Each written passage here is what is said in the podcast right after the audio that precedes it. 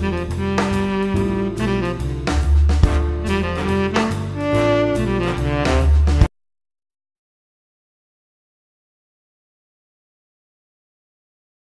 dobry Państwu. Witamy serdecznie. Wzruszeni, że przyszło tyle osób mimo nie najlepszej pogody. Zaczniemy od przedstawienia się. Pan profesor Krzysztof Meissner, przewodniczący Rady Programowej. I pani doktor Zuzanna Teplic, dyrektor Festiwalu Nauki w Warszawie.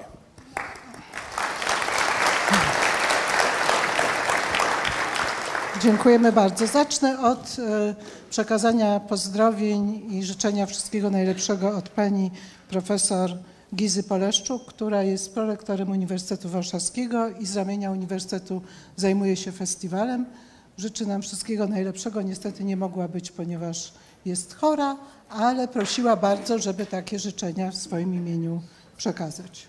E, Dziękujemy patronom naszego festiwalu. E, Należą do nich prezes Polskiej Akademii Nauk, przewodniczący konferencji rektorów uczelni warszawskich i prezydent Warszawy. E, Przy okazji chciałam powitać prez- wiceprezydenta Warszawy, pana Włodzimierza Paszyńskiego, z prośbą o zabranie głosu. Bardzo proszę, chciałam powiedzieć, że jesteśmy wdzięczni Warszawie, ponieważ od co najmniej kilku lat zawdzięczamy jej wsparcie festiwalu. Jeśli Państwo widzieli na autobusach naszą reklamę, to między innymi dzięki Warszawie i pomocy.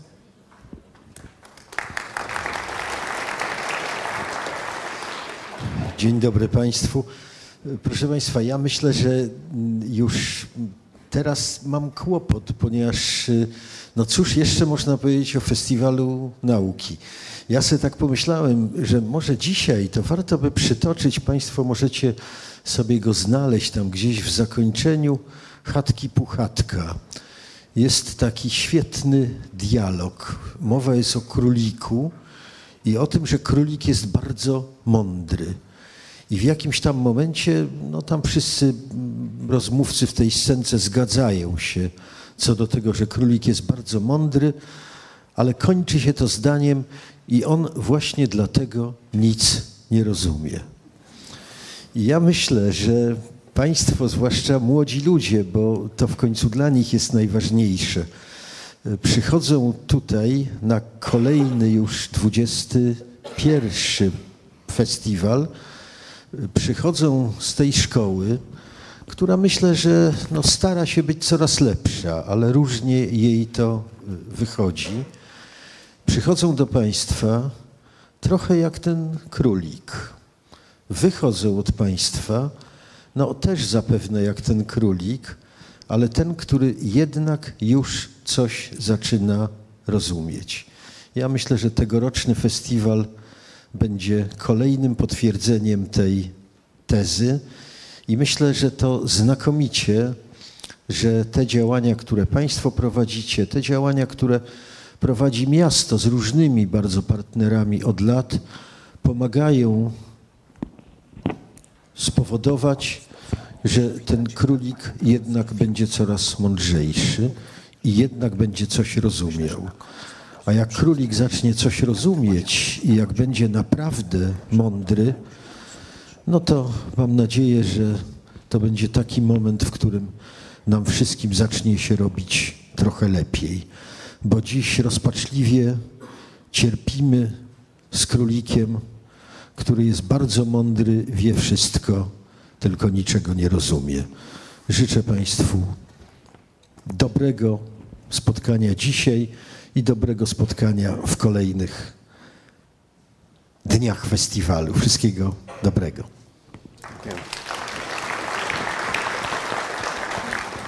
Chciałam też przywitać serdecznie pana dyrektora Mirosława Sielatyckiego z Biura Edukacji, bo dzięki Biuro Edukacji mamy lekcje festiwalowe. E, Chciałbym podziękować sponsorom festiwalu, chociaż tutaj wszyscy w zasadzie występują charytatywnie, wszystkie sale są charytatywne, jednak pewne koszty związane z festiwalem są. Także bardzo dziękujemy sponsorom. E, Ministerstwu Szkolnictwa Wyższego i Nauki, e, KGHM, Adamet i Atende. Bardzo dziękujemy. Mhm. Chcielibyśmy poprosić przedstawiciela, prezesa firmy Attende, pana Romana Szweda, skądinąd absolwenta naszego wydziału, o kilka słów.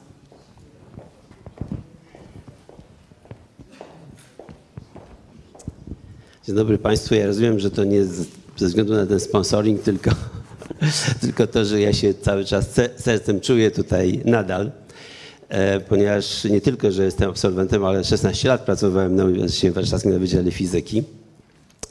Właśnie, ale tak, e, co tu powiedzieć? No, myślę, że e, e, myślę, że za, powinienem zacząć od tego, żeby podziękować moim kolegom. E, Jestem z nich dumny, że, że, że ten festiwal już 21 razy się odbył, bo ja wiem, że takie rzeczy nie robią się same. To jest dużo pracy, dużo wysiłku i dużo mm, umiejętności także. Więc za to chciałem bardzo podziękować. No, a poza tym taka uwaga, no wiadomo, chyba wszyscy się zgodzimy, że żyjemy w ciekawych czasach. Już nie będę rozwijał tematu. Y, Z jednej strony dostęp do źródeł wiedzy jest olbrzymi. W ogóle postęp technologiczny, w szczególności niektóre technologie no po prostu z dnia na dzień się rozwijają, a, a także jesteśmy bombardowani cały czas informacjami o tym, że zabobon się szerzy. Szerzy się tak strasznie, że to po prostu się w głowie nie mieści. W szczególności boli to pewnie e, ludzi, którzy mają ścisłe wykształcenie, ale no nie, nie ograniczałbym tylko tego, do, e, tego grona do fizyków, którzy po prostu potrafią wnioskować, myśleć. Jak temu przeciwdziałać? No myślę, że właśnie to jest odpowiedź. Edukować, edukować, upowszechniać wiedzę, wielka rzecz i myślę, że jestem dumny, że tam w jakimś maleńkim em, procenciku jesteśmy w stanie wspomóc jako firma e, te, te wysiłki. Życzymy, e, dziękujemy za, dziękuję za to, co było przedtem i oczywiście dziękuję za to, co będzie w przyszłości. Dziękuję bardzo. Dziękuję bardzo. Nie ma pani. Sponsora? Chcieliśmy powiedzieć też parę słów o sponsorach medialnych. Bez nich e, nie byłoby nas tak widać na mieście. Sponsorem naszym od lat jest Gazeta Wyborcza. Mam takie wrażenie, że co roku ten program jest coraz ładniejszy. Sponsorem naszym jest również polityka i po raz pierwszy e, zarówno Gazeta Wyborcza, jak i polityka robią własne e, debaty na festiwalu. Bardzo serdecznie na te debaty zapraszamy. Oprócz tego Wszechnica, która nas nagrywa, Urban Info, Ciekawe.pl i Radio Campus. Chciałam też bardzo podziękować współorganizatorom, czyli tym, którzy e, z dużych uczelni warszawskich dokładają się do festiwalu. No, przede wszystkim Uniwersytet Warszawski, który jest naszą siedzibą, Politechnika Warszawska, SGGW, e, Uniwersytet e, SWPS, UKSW, SGH i od tego roku Warszawski Uniwersytet Medyczny. E, Bardzo też bym chciała podziękować koordynatorom, bo chciałam powiedzieć, że bardzo się cieszę, że pan prezes powiedział, że to się samo nie robi. No, samo się nie robi, robią to przede wszystkim koordynatorzy. Ale wszyscy ci, którzy kiedykolwiek dzwonili i pytali się o cokolwiek w festiwalu, to chcę powiedzieć, że festiwal tak naprawdę robią trzy osoby. Więc warto jest o tym pamiętać, jeżeli czegoś się od nas wymaga, czego nie jesteśmy w stanie zrobić. A przy okazji zobaczyłam, więc chciałam przywitać panią Małgorzatę Boczak z Nowych Książek, która jest, nowe książki są współ, e, dają razem z nami Nagrodę Złotej Róży. Złota Róża będzie, e, laureaci zostaną e, przekazani państwu na zamknięciu festiwalu.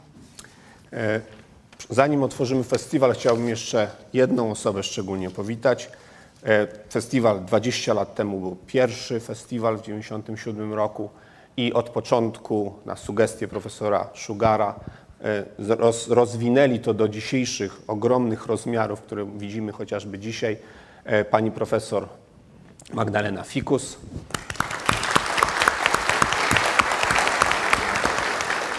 i nieżyjący już niestety Maciek Geller. Bardzo dziękujemy za ten pomysł i to, że mogliśmy do tego 21 festiwalu dotrwać. I jeszcze ostatnia rzecz, a mianowicie nie bez powodu powiedziałam, że robi to, robią to festiwal dwie, trzy osoby, e, ponieważ zdarzają się pomyłki i te pomyłki no, muszą być. radzę zawsze zaglądać na naszą stronę, bo tam są wszystkie rzeczy, które są aktualne. Ale ta pomyłka, która szczególnie jest dla nas bolesna, to że spotkanie Konrad Nieufny odbędzie się w poniedziałek, a nie we wtorek. Więc jeśli Państwo się wybierają, a serdecznie zapraszam, to bardzo zapraszam w poniedziałek 25. Miejsce się nie zmienia, godzina się nie zmienia, zmienia się tylko dzień. I 21. Festiwal Nauki w Warszawie uważamy za otwarty. otwarty.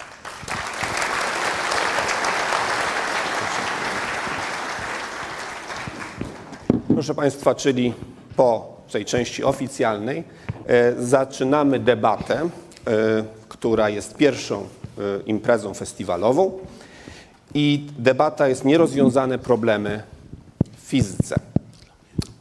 Witamy panią doktor habilitowaną Anną, Annę Niedźwiecką, która zajmuje się biofizyką molekularną białek i kwasów nukleinowych i pracuje w Instytucie Fizyki Polskiej Akademii Nauk. Witamy pana doktora habilitowanego Jana Chwedeńczuka,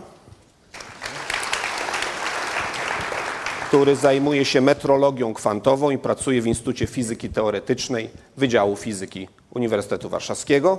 I witamy profesora Marka Pfitznera,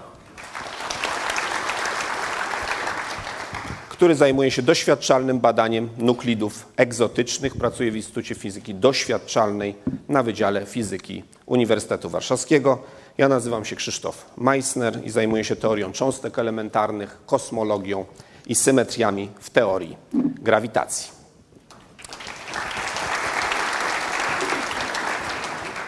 E, Proponuję następującą formułę naszego spotkania.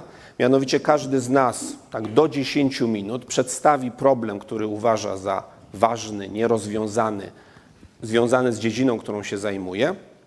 I po tych czterech wystąpieniach odpowiemy sobie krótko na pytania, czy jak widzimy problemy, które, które ktoś inny postawił w ramach naszej dziedziny.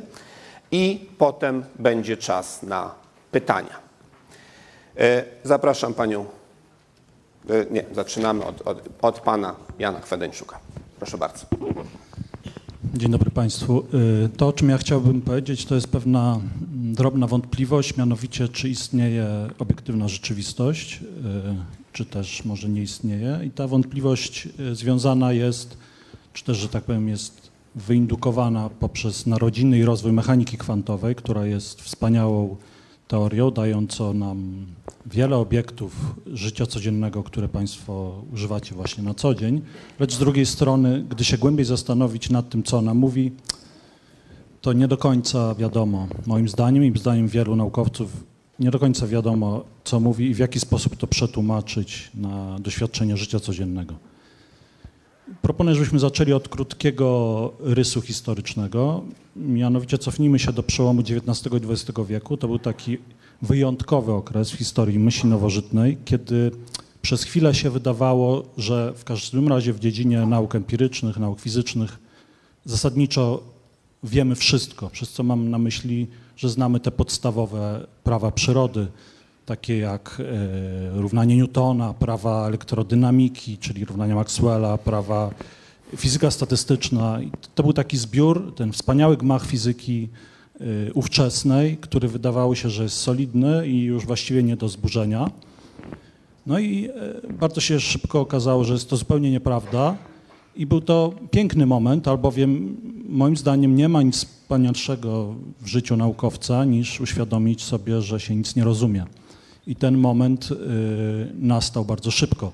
Mianowicie na tym y, solidnym gmachu y, ówczesnej fizyki po- pojawiły się takie drobne ryski, przez co mam na myśli, że pojawiły się pewne zagadnienia, których nie sposób było w ramach tych teorii ówczesnych wyjaśnić. I no i właśnie, no wydawało się, że są to ryski, czyli wystarczy to tam zaszpachlować elegancko i gmach będzie stał, a tymczasem tych rysek było coraz więcej i ludzie się zorientowali, że to przypuszczalnie pękają fundamenty.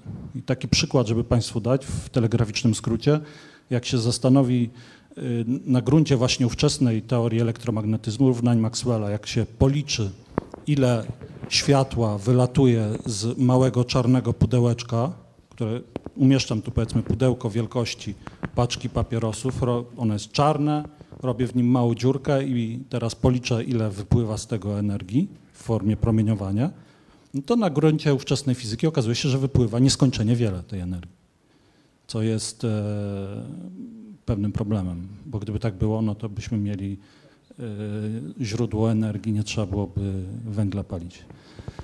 No i tych takich, rozumiecie Państwo, takich drobnych problemów y, było coraz więcej. Cały czas ludzie wierzyli, że to się uda jeszcze tam właśnie zaszpachlować, ale z czasem właśnie zaczęliśmy się orientować, ówcześni naukowcy, że to są grube problemy i one jakoś fundamentalnie y, odmienią nasze patrzenie na świat. Wy, wyjaśnienie tego zjawiska, o którym mówiłem, to się nazywa katastrofa w ultrafiolecie i wielu innych tych zjawisk wymusiło na naukowcach sformułowanie nowych praw przyrody i te prawa przyrody zbierają się w spójną całość, którą nazywamy mechaniką kwantową.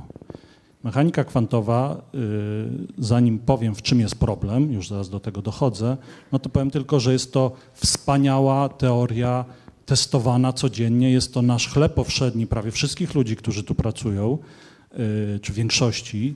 Y, I ona zastosowana w laboratorium znakomicie się zgadzają jej przewidywania z faktami obserwowalnymi y, i dają y, początek wielu wynalazkom, z których Państwo korzystacie. Laser w odtwarzaczu CD, czy tam chociażby w każdym komputerze tranzystor półprzewodnikowy. Także mechanika kwantowa zastosowana jest wszędzie, działa bez wątpienia, wszystko jest w porządku, tylko jest jeden problem. Otóż równania mechaniki kwantowej, to fundamentalne równanie, które nazywamy równaniem Schrödingera, przewiduje, że obiekty fizyczne, takie jak atomy, elektrony, czyli to wszystko, z czego się składamy, nie są, tak jak należałoby się spodziewać, małymi kulkami, tylko są rozmyte. Rozmyte. Co oznacza, że de facto, gdybym rozwiązał y, równanie Schrödingera y, na, na pana, to pan by nie był y, tutaj by pan nie siedział, tylko zajmowałby pan pewnie cały wszechświat. Z, większość pana byłaby tutaj, ale miałby pan jakieś tam ogony w, na Księżycu. To jest ewidentne, w ewidentnej sprzeczności z faktami obserwowalnymi. Wszyscy widzimy, że, że pan tu siedzi. No więc y, możecie powiedzieć państwo, no tu jest ewidentnie coś naciągnięte, ale jak się rozwiąże to równanie dla elektronu czy atomu, no to no to tam ten atom może naprawdę sięgać od ulicy Pastera aż po Marsa. Znaczy, atom przestaje być punktem, staje się taką rozmytą, nieco amorficzną strukturą, czasem ma na swojej powierzchni falki i mówimy, że pojawił się ten dualizm korpuskularno-falowy. No to teraz, i to już dochodzę do sedna, jak pożenić to przewidywanie mechaniki kwantowej z faktem, że gdy patrzę czy to na Pana, czy na atom, czy na jakikolwiek obiekt fizyczny, no to one nie są takimi rozmytymi obiektami zajmującymi pół wszechświata, lecz są atomy, elektrony, są kuleczkami małymi. Mechanika kwantowa absolutnie nie odpowiada na to pytanie. W związku z tym, żeby w jakiś sposób połączyć połączyć fakty obserwowalne, że w każdym akcie obserwacji widzę punkcik tutaj, tutaj elektron jest tu bądź tu bądź tu, z tym, że mechanika kwantowa przewiduje, że elektron jest wszędzie, dołożono do mechaniki kwantowej tak zwaną interpretację kopenhaską. W największym skrócie mówi ona tyle, że to obserwator aktem pomiaru, patrząc na elektron, sprawia, że on się zapada do punktu. Czyli innymi słowy, ta rozmyta zupa ta galareta roztarta po całym wszechświecie. Wchodzę do laboratorium, włączam kamerę, patrzę, jest tutaj. Zrobię drugi eksperyment, on będzie gdzie indziej, gdzie indziej, także jak zrobię to nieskończenie wiele razy, to rzeczywiście go zaobserwuję wszędzie tam, gdzie przewiduje mechanika kwantowa, czyli on będzie rzeczywiście w różnych miejscach, to jest ten niedeterminizm. Niemniej w każdym pojedynczym akcie ten elektron zakłada się do punktu. No i teraz powstają pytania i to jest to nierozwiązane pytanie y, mechaniki kwantowej i współczesnej fizyki. Jaka jest obiektywna rzeczywistość? Czy ten elektron rzeczywiście jest rozmytym takim obiektem, a akt obserwacji go w jakiś sposób zaburza? Czy w ogóle jest sens mówić o obiektach fizycznych przed aktem obserwacji, I czym jest obserwacja? Czy to jest akt fizycznego pomiaru, czy akt świadomego spojrzenia? To jest nierozwiązane pytanie, zostawiam Państwa z tym. Na końcu jeszcze tylko y, zasieję jedno ziarno wątpliwości, mianowicie to jest coś, nad czym ja się głowię i wiele osób. Czy to jest możliwe, że współczesna, wyszukana, subtelna, matematyczna teoria, jaką jest teoria kwantów, czy to jest możliwe, że ona na powrót stawia świadomego ja w centrum, w centrum wszechświata w pewnym sensie, znaczy świadome ja, które wchodzi i aktem obserwacji w jakiś sposób modyfikuje otaczającą rzeczywistość. I oczywiście nie mam odpowiedzi na to pytanie. Dziękuję bardzo. Dziękuję bardzo. E, Poproszę profesora.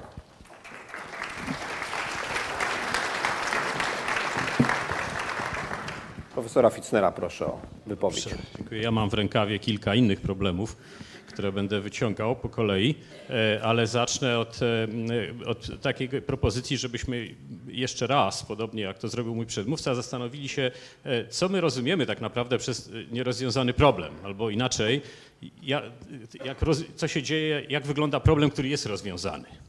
Ja też chciałem odnieść się do przełomu, o którym mówił mój poprzednik. W XIX wieku ludzie uczeni zauważyli, że każdy pierwiastek chemiczny, e, jak go podgrzać, czy zmusić do świecenia, na przykład wkładając do palnika? Bunsen wymyślił swój palnik właśnie, żeby robić takie badania, to każdy pierwiastek chemiczny świe- wyświeca tylko pewne określone długości fal e, promieniowania. To było strasznie dziwne i zupełnie niezrozumiałe. E, To była jedna z tych rys, o których była mowa. E, To było odkrycie bardzo owocne i bardzo e, łatwe do zastosowania. E, Publiczność oraz a szczególnie dziennikarze bardzo lubią, jak jakieś odkrycie ma zastosowanie. Więc to były fantastyczne zastosowania, bo na przykład przez to, że każdy pierwiastek chemiczny ma swój odcisk palca w widmie promieniowania, mogliśmy poznać skład chemiczny gwiazd odległych. prawda? Bo ze światło, które do nas dociera, ma, niesie w sobie informacje, jakie pierwiastki tam świecą.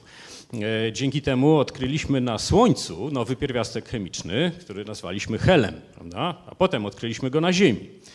Tym niemniej zagadka widm atomowych to był wielki fizyczny problem. To się w ogóle nie zgadzało z e, ówczesną fizyką. Ten problem został rozwiązany właśnie. Prawda? Najpierw odkryto jądra atomowe, za chwilę będę mówił więcej o jądrach, dla mnie to jest ważne. E, Zaraz potem Bohr wprowadził model atomu Bora, w którym elektrony krążą wokół jądra, e, tak jak planety wokół Słońca. E, Musiał dołożyć jeszcze parę warunków, żeby to się zgadzało, ale zaczęliśmy rozumieć, dlaczego atomy świecą tylko niektóre, wy- wysyłają promieniowanie o określonych długościach fali. No potem nastąpił ogromny przełom mechaniki kwantowej, o której mówiliśmy i nagle okazało się, że mamy zupełnie inny sposób patrzenia na świat i w ramach tego e, nowego spojrzenia zaczęliśmy rozumieć całą mnogość zjawisk atomowych, molekularnych, chemicznych, we wszystkich dziedzinach fizyki praktycznie. Więc w jakimś sensie rozwiązaliśmy problem, ale każde rozwiązanie tak naprawdę przesuwa problem trochę w inne miejsce. Jeden przykład już słyszeliśmy. Teraz ja odnoszę się do innego. Jak już jesteśmy w tym atomie i wiemy, że tam w środku jest taka malutka kropelka materii jądrowej, wokół której krążą te elektrony, E, Możemy zważyć to, możemy s- zmierzyć, możemy to zobaczyć, to, to naprawdę istnieje. Żeby Państwu e, dać wyobrażenie, jak, jak to jest małe, to ja przyniosłem pomoc naukową. Mam taką piłeczkę. E, Wyobraźmy sobie, że to jest jądro helu, czyli cząstka alfa. Ma dwa protony i dwa neutrony. Wiemy z czego. Ta cząstka alfa jest właściwie cztery cząstki, prosty układ. Tutaj mamy dwa czerwone, dwa żółte. To są neutrony i protony. I teraz wyobraźmy sobie, że atom helu powiększymy do takich rozmiarów, że to będzie jądro helu. No to gdzie y, będą krążyć elektrony? Chmura elektronowa jest rozmyta oczywiście, ale można obliczyć średni promień. Ja wczoraj przypomniałem sobie wzory ze szkoły i obliczyłem, że jeżeli jądro helu byłoby tak duże, to promień elektronów byłby 500 metrów. To za 500 metrów to jest, proszę Państwa, w tamtą stronę za ulicą Banacha, za szpitalem Banacha, a w tą stronę za e, Wawelską, czyli cały kampus Ochota się mieści w, w, wewnątrz e, orbity elektronowej, więc to jest naprawdę strasznie mała rzecz. E, Ale chcielibyśmy wytłumaczyć własności takiej cząstki wiedząc, że tam są cztery znane cząstki, neutrony i protony. I okazuje się, że to jest strasznie trudne. Nie ma teorii, która e, jest prosta i, i, i, i, potrafiłaby wszystkie takie układy dokładnie opisać, tak dokładnie jak umiemy opisać własności atomów czy cząsteczek tak jak chemicy to potrafią zrobić. Im jest łatwiej, tu się okazuje, że jest strasznie trudno. To jest jeden z wielkich problemów e, mojej dziedziny nauki, fizyki jądrowej, że oddziaływania między tymi cząstkami, które tutaj są, są tak trudne i tak skomplikowane, że się właściwie nie daje w prosty sposób opisać ich własności. Przez ostatnie kilkadziesiąt lat oczywiście ogromne postępy zrobiliśmy i wiele rzeczy umiemy policzyć, ale, ale no jest to takie troszkę, nie, nie, nie mamy takie uczucie nieprzyjemne, że, że, że to jest trochę za skomplikowane. Teraz za tym idą inne problemy, bo na przykład e, chcielibyśmy rozumieć, e, skąd się wzięły pierwiastki chemiczne w przyrodzie. Jest wiele procesów astrofizycznych, które produkują pierwiastki. E, te najlżejsze są na początku wszechświata, być może o tym usłyszymy później. E, te cięższe troszkę w, w gwiazdach, ale cięższe od żelaza, na przykład złoto. Ludność jest przyzwyczajona bardzo, znaczy ceni sobie złoto, tak? powiedzmy tak. Kiedyś to była podstawa ekonomii, dziś niestety już nie. E, ale, ale skąd się wzięło złoto? Nie wiemy. Domyślamy się, ale nie wiemy tego. Teraz, żeby zrozumieć, jak to złoto mogło powstać, ale nie tylko złoto, wszystkie inne pierwiastki ciężkie, e, to musimy znać własności jąder atomowych bardzo ciężkich i w, one są, e, nie da się ich zmierzyć, trzeba to jakoś obliczyć, ale nie mamy teorii, więc jesteśmy e, w, no, w kłopocie. Inna konsekwencja e, nieznajomości dokładnej fizyki jądrowej to na przykład, e, pewno wielu z Państwa słyszało o takiej hipotezie, e, że może istnieć wyspa pierwiastków superciężkich cięższych od najcięższego w układzie okresowym. Tu widzę, że jest aktualna mapa, tablica Mendelejewa. Najcięższy jest 118, Oganesson, który dostał nazwę w tym roku chyba. Mogą istnieć być może cięższe o bardzo długich czasach życia. Nie wiemy tego. Bardzo trudno, próbujemy to zrobić doświadczalnie, próbujemy wytworzyć, ale gdyby, żeby je zrozumieć, żeby ułatwić sobie drogę do ich produkcji, chcielibyśmy rozumieć, jak, e, jak, co się dzieje w, w, między cząstkami tworzącymi jądra atomowe. E, zresztą nawiasem mówiąc, e, trzeba by dodać, że proton i neutron tak naprawdę to są cząstki też złożone z mniejszych obiektów, z kwarków i gluonów, ale tu jest jeszcze trudniej. Wyjaśnić e, masę protonu czy jego spin, czy moment pędu na gruncie kwarków i gluonów to jest jeszcze trudniejsze zadanie. E, teraz chciałbym, więc to, to, te problemy, o których powiedziałem, to są takie problemy, które dotyczą fizyki jądrowej, one są dobrze określone, mamy pewne nadzieje na postęp, coś o tym można więcej powiedzieć później, jakby kogoś to interesowało, ale teraz bym chciał uogólnić troszkę ten problem i zauważyć, że we wszystkich dziedzinach fizyki, jeśli mamy do czynienia z e, większą ilością obiektów, to mamy problem. To się nazywa problem wielu ciał. E, w mechanice newtonowskiej nie da się obliczyć dokładnie analitycznie ogólnego przypadku trzech ciał. Trzeba to robić w przybliżony sposób komputerowo.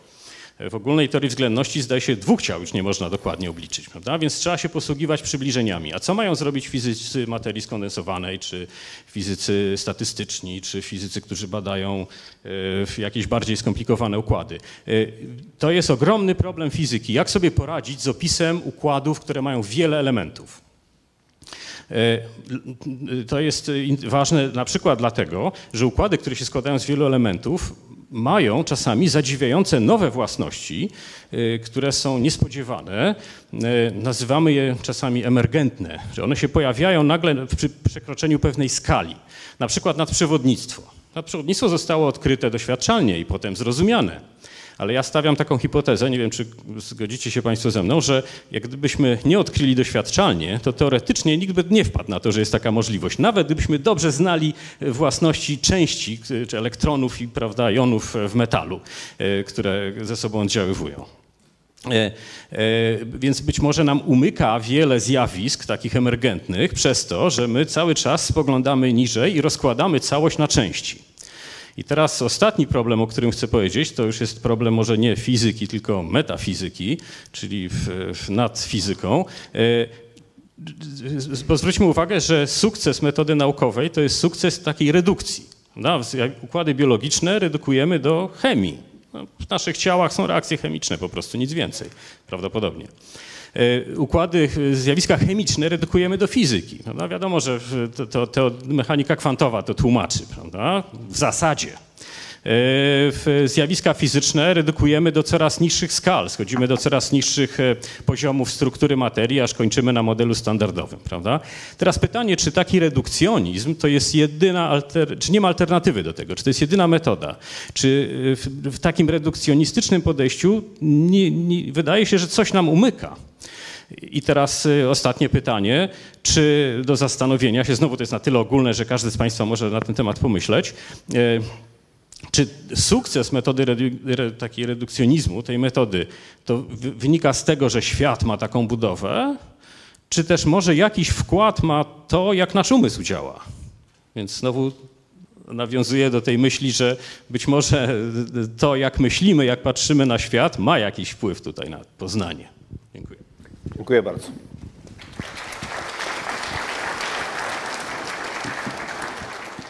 Poproszę panią doktor Annę Niedźwiecką. Ja chciałabym kontynuować ten wątek, chociaż jestem biofizykiem molekularnym, ale bardzo dziękuję panu za wprowadzenie problematyki wielu skal, bo wiele skal y, opisu jest nam potrzebnych do zrozumienia układów, które mają strukturę hierarchiczną, a takimi są układy o charakterze biologicznym. Y, I właśnie o zjawiskach emergentnych, jeżeli chcemy mówić, czyli takich, których jakościowe własności są istotnie różne od tego, co możemy wywnioskować ze złożenia całej wiedzy, którą mamy po poznaniu obiektów na, na niższej skali.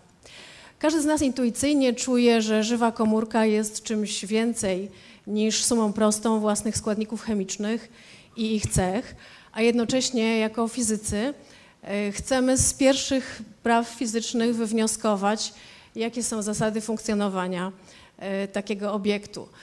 Bo tak jakby esencją biofizyki molekularnej jest takie einsteinowskie podejście do fizyki, czyli stwierdzenie, że fizyką jest cała gama nauk przyrodniczych, w których potrafimy zdefiniować jakąś mierzalną wartość i później te mierzalne wartości analizować pomiędzy sobą e, w postaci zależności matematycznych.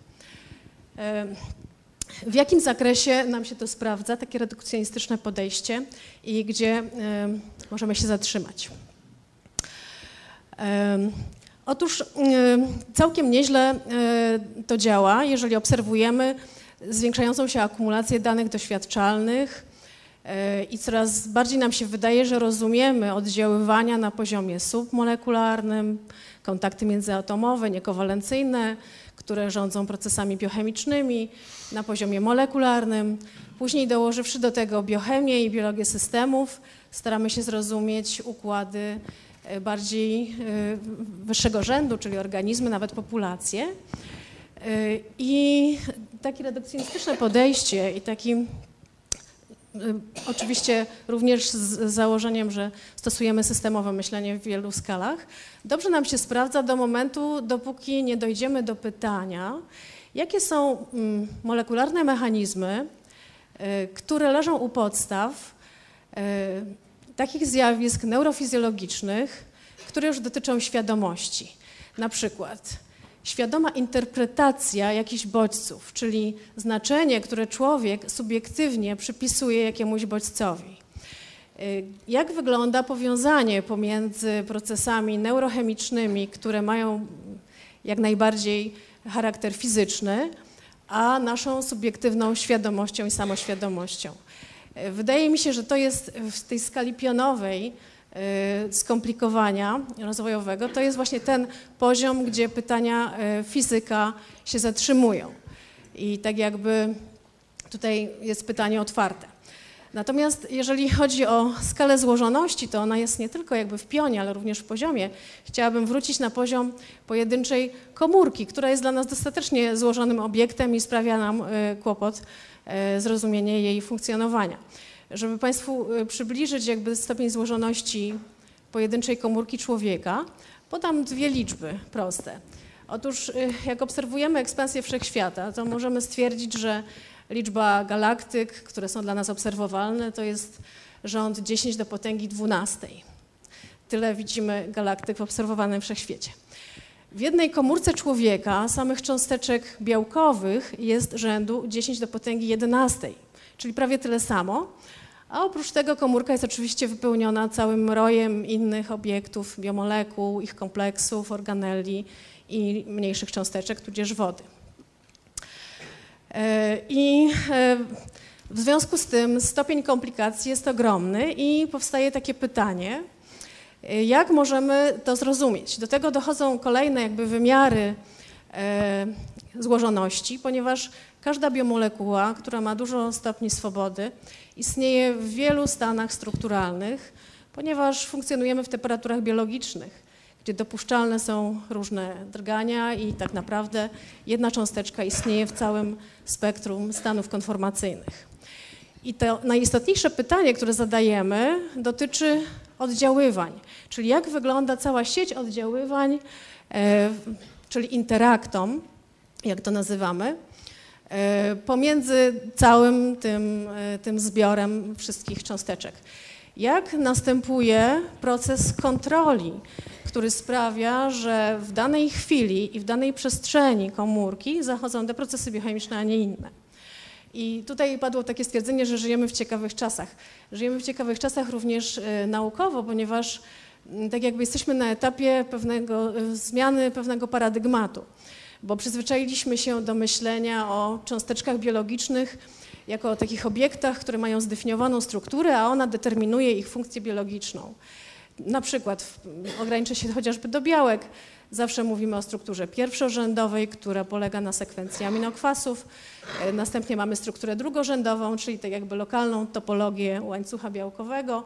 Mamy strukturę trzeciorzędową, czyli zwinięcie pojedynczej cząsteczki białka w strukturę przestrzenną, e, tudzież struktury czwartorzędowe, czyli struktury kompleksów zawierające w sobie wiele cząsteczek. Ale okazuje się, że od jakiejś dekady jesteśmy już świadomi i przekonani, że muszą istnieć struktury piątego rzędu. I paradoksalnie te struktury piątego rzędu są kinetycznie niestabilne, strukturalnie nietrwałe i bazują na słabych kontaktach niekowalencyjnych, tworząc taką sieć, y, która ulega łatwym zmianom, a jakby kluczowym, kluczowym e, graczem w tej sieci są białka, które są wewnętrznie nieuporządkowane. I okazuje się, że cały świat takich białek wewnętrznie nieuporządkowanych jest konieczny i te, cały świat właśnie takich przejściowych, kinetycznie nietrwałych kontaktów jest konieczny, ażeby mogły wytwarzać się w komórce takie substruktury komórkowe, które prowadzą do, do wytworzenia y, przestrzeni w komórce, gdzie reakcje mogą być kontrolowane przestrzennie i czasowo, czyli taka kompartmentalizacja zależy od tego.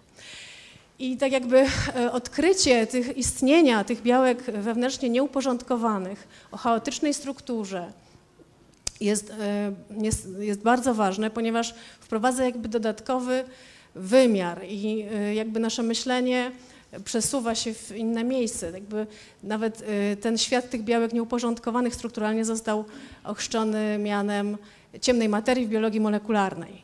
Aczkolwiek jest to pewne intelektualne nadużycie, bo my o tych białkach wiemy, że one na pewno istnieją, natomiast mamy kłopot z ich badaniem, ponieważ dotychczasowe instrumentarium badawcze i doświadczalne, i obliczeniowe, i teoretyczne, koncepcyjne było nakierowane na badanie trwałych struktur, które tworzą stabilne kompleksy. A teraz paradoksalnie znaleźliśmy się w takiej sytuacji, że chcąc zrozumieć powstanie pewnego porządku w komórce, wiemy, że ten porządek jakby jest wywołany istnieniem obiektów, które są nieuporządkowane, ich dynamiką. I tak jakby dzięki temu teraz renesans przeżywa e, koncepcja Prigozina sprzed pół wieku, która e, starała się wyjaśnić, e, na czym polega sama organizacja materii.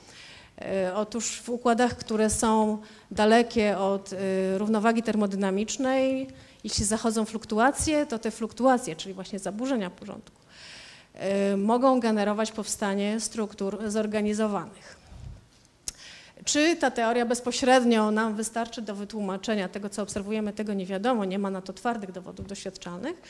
Natomiast to, co czujemy, to mm, i wiemy to również e, od lat, że e, procesy biologiczne prowadzą do coraz wyższego e, zorganizowania, czyli do zyskania coraz lepszej funkcjonalności biologicznej i wiąże się to z lokalnym spadkiem entropii, a jednocześnie ze wzrostem entropii w innej części układu, głównie dzięki entropii wody.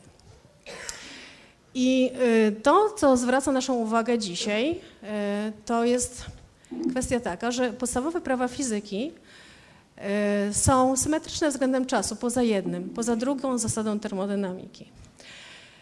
I dlatego jakby z dzisiejszej perspektywy pytanie o to, jak powstało życie w swoich prapoczątkach, czego do dzisiaj nie wiemy, trudno nam sobie wyobrazić, bo skoro nie wiemy dokładnie kiedy, nie znamy dokładnie warunków, możemy mówić tylko, że ślady pierwotnych organizmów pochodzą sprzed 3,5 miliarda lat, a możemy się cofnąć w odtwarzaniu sekwencji struktur białek do 4 miliardów lat. No ale trudno nam sobie wyobrazić, e, jak powstał taki mechanizm, który wymusił ewolucję. I pytanie dzisiejsze jest takie, czy istnieje jeszcze jakieś prawo fizyki, którego do, do dzisiaj nie odkryliśmy, czy te teorie, które znamy, są wystarczające, tylko trzeba im się głębiej przyjrzeć yy, i zastanowić się, na czym tak naprawdę polega definicja układu żywego, bo odnosimy się dzisiaj do definicji, której używa NASA, czyli traktuj, yy, mówimy o układzie ożywionym jako takim układzie chemicznym, który sam się podtrzymuje i jednocześnie jest zdolny do darwinowskiej ewolucji. To jest jakby nasz, nasza definicja układu ożywionego. I teraz pytanie, które jakby jest kluczowe dla tej debaty, czy na podstawie e, pierwszych praw fizyki, zasad fizyki jesteśmy w stanie wyjaśnić w pełni funkcjonalność biologiczną organizmów żywych. Wydaje mi się, że im więcej wiemy, im więcej rozumiemy, tym w inne miejsce przesuwa nam się pytanie o to, czym jest tak naprawdę układ ożywiony E, I to pytanie musi być zadane w ścisłym powiązaniu z pytaniem o istotę czasu. Dziękuję bardzo.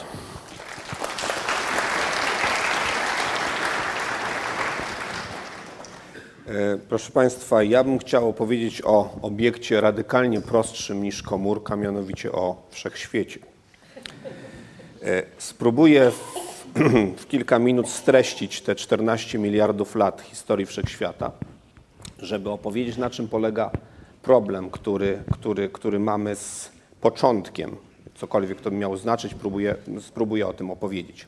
Otóż obecnie wszechświat, w odróżnieniu do prawda, badań komórkowych, które muszą być bardzo precyzyjne, każdy element wziąć pod uwagę, my z niejasnych dla nas względów wszechświat w dużych skalach jest praktycznie jednorodny. To znaczy, jeżeli weźmiemy wystarczająco duże sześciany, powiedzmy rzędu megaparseka, albo 100 megaparseków, albo 200, to każdy sześcian wygląda w średniej tak samo. I to niebywale upraszcza opis sytuacji. Gdyby wszechświat był bardzo niejednorodny, to zamiast jednej liczby w danym czasie, mianowicie gęstości wszechświata, musieliby podać całą funkcję i to byłoby w zasadzie niemożliwe, żeby taką, taką ewolucję badać. Otóż wszechświat obecnie jest duży, pusty w miarę, bardzo rzadki. Natomiast cofając się w czasie, będziemy to antychronologicznie robić, e, jest coraz gęstszy, w pewnym momencie jest tak gorący, że e, to, co znamy, czyli atomy, e, ele gubią elektrony, elektrony zaczynają odrywać się od atomów. Każdy wszystko, co byśmy wzięli, byśmy tę wodę, tak byśmy ją podgrzali, by wyparowała. Potem, jakbyśmy ją jeszcze więcej podgrzali, e, wodór oddzieliłby się od tlenu. Jakbyśmy jeszcze bardziej podgrzali, to elektrony zaczęłyby się oddzielać od jąder. I to byłaby plazma i w takiej formie wszechświat był mniej więcej jak miał te 300, kilkadziesiąt tysięcy lat po umownej chwili zero. Umowna chwila zero to jest to samo słodkie, do którego dojdziemy, mam nadzieję, za kilka minut. E, otóż jeżeli mamy plazmę, to cofamy się jeszcze bardziej. W pewnym momencie temperatura jest tak duża, że jądra atomowe, o których mówiliśmy, które mają bardzo skomplikowaną budowę, w tym czasie są tylko dwa de facto rodzaje jąder: proton i cząstka alfa. Nie ma nic więcej. To, co nas otacza, tlen, krzem, azot i tak dalej, powstało później w wyniku ewolucji gwiazd. W, bar- w początkowym wszechświacie było bardzo prosto. Była prawie jednorodna zupa złożona z wodoru i z helu. Taki jest zresztą y, skład naszego Słońca, który odtwarza tą pierwotną strukturę. 3 czwarte wodoru, 1 czwarta helu. Cofamy się bardziej, jak już mówiono, temperatura robi się tak wysoka, pierwiastki tworzą się mniej więcej około jednej sekundy po tej umownej chwili zero. Jak dochodzimy do 10 do minus 6 sekundy, jedna mikrosekunda, cały czas cofamy się w czasie, przypominam, już nam się protony i neutrony rozpuszczają do zupy kwarkowo-gluonowej. Oprócz tego są pary elektron-pozyton. Taka ta zupa się robi taka coraz, coraz e, ciekawsza. E, Cofamy się jeszcze bardziej, dochodzą do tego cząstki W, Higgs i tak dalej, cząstki Higgsa. Ta zupa się staje coraz bogatsza. W pewnym momencie, 10 do minus 14 sekundy, wcześniej już nie wiemy, jaki jest skład zupy, dlatego że temperatura jest tak wysoka, że energia przekracza jakiekolwiek energie dotychczas osiągnięte na Ziemi. Czyli przekracza energię LHC, który teraz zderza 40 milionów razy na sekundę ze sobą protony, ale energia jest za mała, żeby powiedzieć, co się działo wcześniej. Więc przed 10 do minus 14 sekundy y, nie wiemy, ale nadal podstawą opisu jest ogólna teoria względności Einsteina. Ona nadal działa, ona działa demokratycznie. Tak, Wszystkie cząstki są w zasadzie przyciągane tak samo, więc nie znamy składu zupy, ale zupa zachowuje się tak samo, czy tam dodamy jakąś cząstkę, czy odejmiemy, nie, będzie mniej więcej tak samo. Teraz tu należy podkreślić, że dwie teorie, które obecnie znamy, teoria cząstek elementarnych, wspomniany już model standardowy i ogólna teoria względności Einsteina, nie mają żadnych, podkreślam, żadnych odstępstw obserwacyjnych. To, co obserwujemy, jest w całości zgodne z, szczegól, znaczy z ogólną teorią względności w dziedzinie oddziaływań grawitacyjnych i z modelem standardowym sformułowanym dokładnie 50 lat temu w dziedzinie cząstek elementarnych. Kolejne akceleratory nie pokazują nam żadnych nowych zjawisk w stosunku do tego, co te teorie przewidują. Bardzo byśmy chcieli, ale nie pokazują. I w związku z tym problemy, o których powiem za chwileczkę, to są problemy czysto teoretyczne. To znaczy, to nie są problemy, że my nie potrafimy wyjaśnić czegoś, co teraz się dzieje. Jest jeden problem, mianowicie wszechświat kiedyś był bardzo gorący i bardzo gęsty. Dużo bardziej gorący, czy dużo większe energie miały cząstki niż obecnie osiągalne. I okazuje się, że jeżeli chcemy wyjaśnić, dlaczego we wczesnym wszechświecie powstała materia w ilości większej niż antymateria, tutaj nadwyżka była szalenie mała, bo na 10 miliardów antyprotonów było 10 miliardów protonów plus jeden. I ten plus jeden to jesteśmy my wszyscy, gwiazdy, gaz międzygalaktyczny. Więc tutaj pomyłka na dziesiątym miejscu po przecinku by oznaczała, że został we wszechświecie same fotony. Nie ma już w ogóle o czym dyskutować. Ten plus jeden to, jest, to jesteśmy my. Więc powinniśmy zadumać się nad tą brzytwą, na której my żyjemy. Otóż wtedy to plus jeden trzeba wytłumaczyć. To musi wytłumaczyć teoria cząstek elementarnych w powiązaniu z ogólną teorią względności. I tego nie umie zrobić. Obecnie istniejący model standardowy nie potrafi wyjaśnić tego plus jeden. On daje plus jeden na 10 do 14, co byłoby za mało. Wszechświat byłby wypełniony czasem przelatującymi protonami i niczym więcej. Elektrony czasem by przelatywały. Nie, sto, nie, nie, nie byłoby wystarczającej gęstości, żeby stworzyć e, gwiazdy, planety, to z czego się składa. W związku z tym to musimy wyjaśnić i wiemy, że musi istnieć teoria inna, która dla naszych energii odpowiada modelowi standardowemu, ale która wyjaśni nam to 1 na 10 miliardów, a nie to, co daje model standardowy. Więc to jest pierwsze, że na pewno musi istnieć teoria, która jest szersza niż model standardowy. Nie mamy wskazówek doświadczalnych, dlatego że doświadczalnie model standardowy zgadza się fantastycznie. Czasami do 14 miejsca po przecinku się zgadza z teorią, z modelem standardowym. Więc poszukujemy takiej teorii. Takiej teorii nie mamy na razie i cały czas czekamy, czy może coś LHC nam wskaże, że jakaś cząstka nowa powstanie. Są dwie propozycje, supersymetria i symetria konforemna, ale dopóki nie będziemy mieli, że tak powiem, e, dowodu eksperymentalnego, w którą stronę powinniśmy iść w poszukiwaniu tej szerszej teorii, to jest bardzo ważny problem i nad tym naprawdę miliony osobogodzin e, teoretyków e, pracuje. Doświadczalnicy chcą pokazać, że coś jest nowego. LHC nic takiego nie daje, ale na pewno to nie jest ostatnie słowo. Więc to jest wielkie pytanie teorii cząstek elementarnych, co jest poza modelem standardowym, a na pewno coś takiego jest konieczne.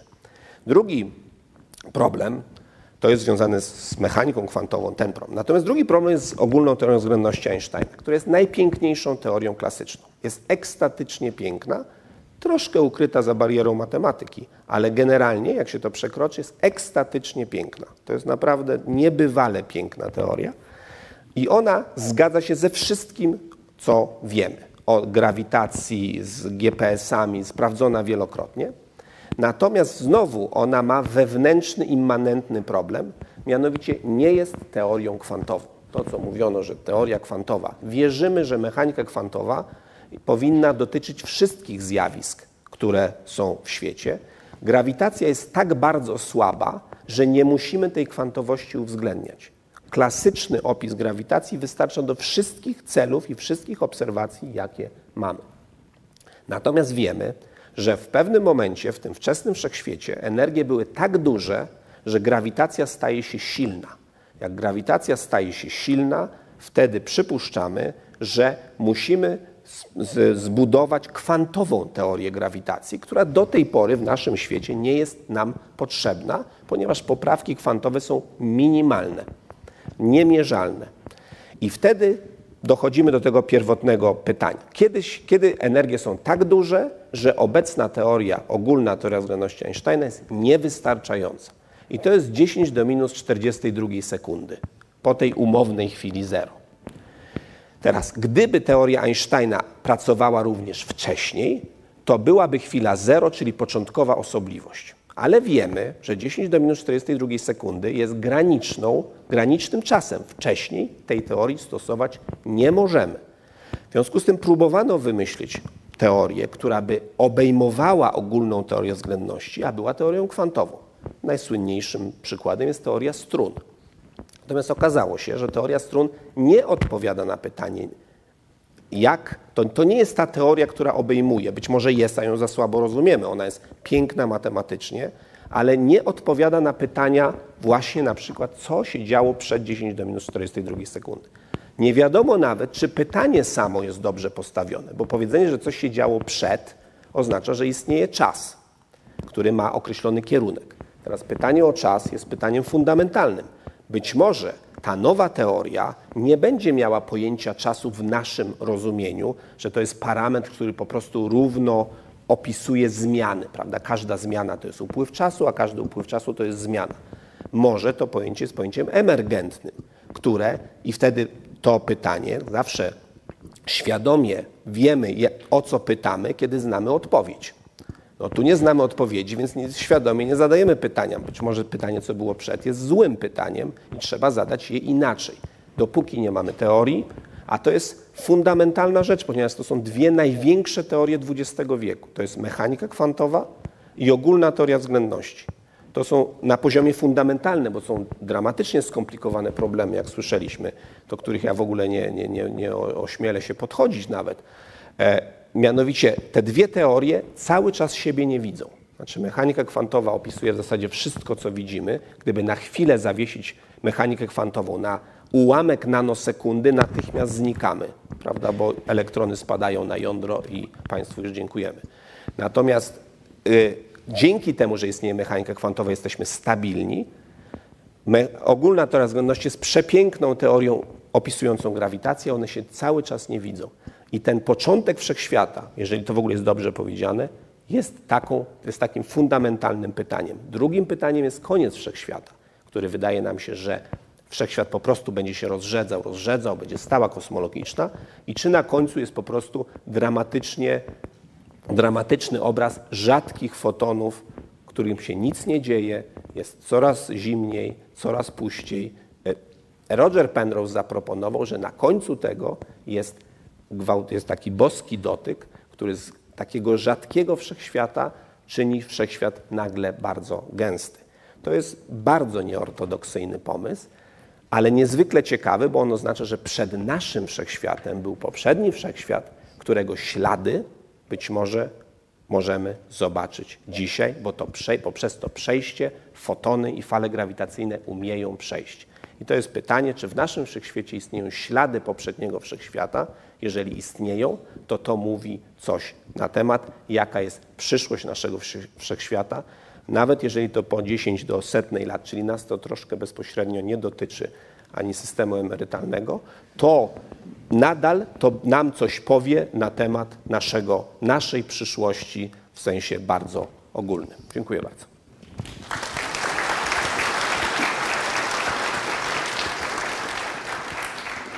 Proponuję teraz, że jakoś odniesiemy się może do pytania o czas, czy pytania o redukcjonizm. Proszę bardzo. Ja bym chciał od razu głos polemiczny w stosunku do tego, co usłyszeliśmy przed chwilą.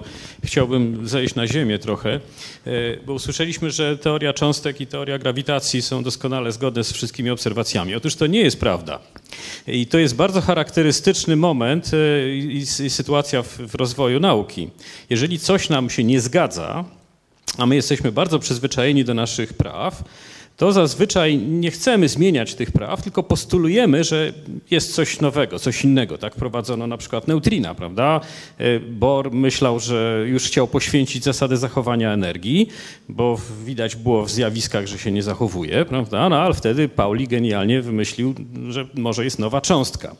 Zmierzam do, do tego, że widzimy we wszechświecie, że grawitacja tak jakby nie działała. No i mówimy tak, wierzymy, że ona jest na pewno dobra, więc wprowadziliśmy pojęcie ciemnej materii.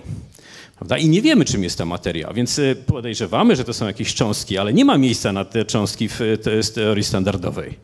I teraz y, to jest o tyle y, może bardziej praktyczny problem w stosunku do początku czy końca wszechświata, że my możemy szukać, szukamy tych cząstek. Są obserwacje, dużo zespołów buduje specjalne detektory. Chcemy wykryć bo przypuszczamy, że to są jakieś cząstki, których po prostu nie widać z daleka, prawda? I one są może bardzo e, słabo oddziałują, no ale jak postawimy duży detektor i będziemy parę lat czekać, to może zauważymy, prawda? To jest, e, ten problem ma nadzieję na rozwiązanie. I wtedy trzeba będzie uzupełnić którąś z tych teorii. Prawda? Tak, oczywiście się zgadzam, no, że, że to, to jest jeden z powodów, dla których chcemy uzupełnić model standardowy. Tak, ale no, znaczy, tak, zdecydowanie tak. Natomiast to mogą być tak lekkie cząstki, że nie mamy żadnych szans. I co wtedy? Wtedy mamy kłopot. No, wtedy tylko i wyłącznie elegancja teorii, tak jak, jak y, Einstein napisał swoją teorię, to nawet gdybyśmy nie znali obrotu peryhelium Merkurego, ona jest tak piękna, że musi być prawdziwa. Tak mówił Einstein przynajmniej. Ja chciałbym jedną taką uwagę, nie wiem czy to ona jakby jest motorem napędowym dalszej dyskusji, ale chciałbym Państwa uwagę zwrócić na to, że my jesteśmy w jakimś sensie bezczelni, to znaczy cały nasz aparat poznawania, no to jest y, ile mu, ma mózg tam, lit, parę litrów, tak? Ile to? Półtora kilo powiedzmy. To jest jakiś tam kawałek, tak, taki glut, który powstał na jakiejś małej planecie gdzieś na na peryferiach w ramach procesu ewolucji. to jest niezwykłe, uważam. To jest taka może ogólna uwaga, ale to jest niezwykłe, że przy pomocy takiego narzędzia można formułować zdania, o ile, o ile to nie jest tak, że nasz sam akt obserwacji y, jakoś nas oszukuje, ale tego nigdy chyba nie rozstrzygniemy. Y, to jest niezwykłe, że możemy formułować zdania, o jakichś, to ja w ogóle pierwszy raz słyszę, jakichś y, wszechświatach, które kiedyś były, tak? No to jest, proszę Państwa, albo 10 do minus 40 sekundy. Przy pomocy narzędzia, które powstało po to, żeby gonić dobrze mamuta. No, de facto. I to było przed chwilą. To było przed chwilą. Większość z nas na co dzień tym się zajmuje w gruncie rzeczy. Wszyscy my, nie tylko my, nie jesteśmy w żaden sposób lepsi. No i, e, no i to jest niezbędne w pracy naukowca, to jest ta bezczelność, to znaczy pycha. To znaczy z jednej strony e, poddanie się empirii pełne, a z drugiej strony no, gotowość do tego, żeby mówić o 10 do minus 400 sekundy bez, bez mrugnięcia okiem nawet. Jeśli można, to mm, skutkiem ubocznym tego, tej pogoni za mamutem i selekcji w trakcie jest e, taka złożoność ewolucyjna komórek mózgu, e, dzięki którym mm, jesteśmy zwierzętami wyposażonymi w bardzo głęboką psychologię. I chciałam tutaj zwrócić uwagę, że tak jak w XIX wieku e, według Macha interpretacja fizyczna wyników obserwacyjnych czy wyników eksperymentów, które planowaliśmy i później analizowaliśmy, była zaburzona przez naszą właśnie psychologiczną percepcję. Tak, dzisiaj chyba należy powiedzieć, że z drugiej strony, że rozwój nauki być może jest w jakiś sposób skierowany na, tak, na lepsze lub gorsze tory albo zahamowany przez psychologię zadawania pytań prawda? Być może istnieje coś bardzo ważnego, co nam nie przychodzi do głowy, po prostu, żeby zadać takie pytanie. I wydaje mi się, że y, transdyscyplinarność, czyli takie myślenie, czasami zrobienie eksperymentu myślowego polegającego na wyjściu poza swoją dziedzinę badań, może tutaj być dosyć owocne. Żebyśmy nie przyzwyczajali się do trybu zadawania pytań, który y, obowiązuje w naszej dyscyplinie. Czy ja bym chciał też podkreślić, no, czy to niezależnie od gonienia Manmuta, co niewątpliwie doprowadziło nas tutaj do tej sali po jakimś czasie, to on nie działa, tak? To chciałbym podkreślić, że przede wszystkim to, że ktoś, kto dobrze gonił mamuta raz, potem mógł gonić drugi raz, a potem trzeci raz, wynika z uniwersalności praw fizyki. Gdyby tak było, że prawa fizyki były chaotyczne, choć trochę, tak, że z jednego z, o północy któregoś dnia się zmieniają, że grawitacja troszkę inaczej działa albo coś, to perfekcja w gonieniu mamuta nagle na nic by się nie zdała. I to, to, co powiedział Einstein, najbardziej niezrozumiałe jest to, że w ogóle cokolwiek daje się zrozumieć.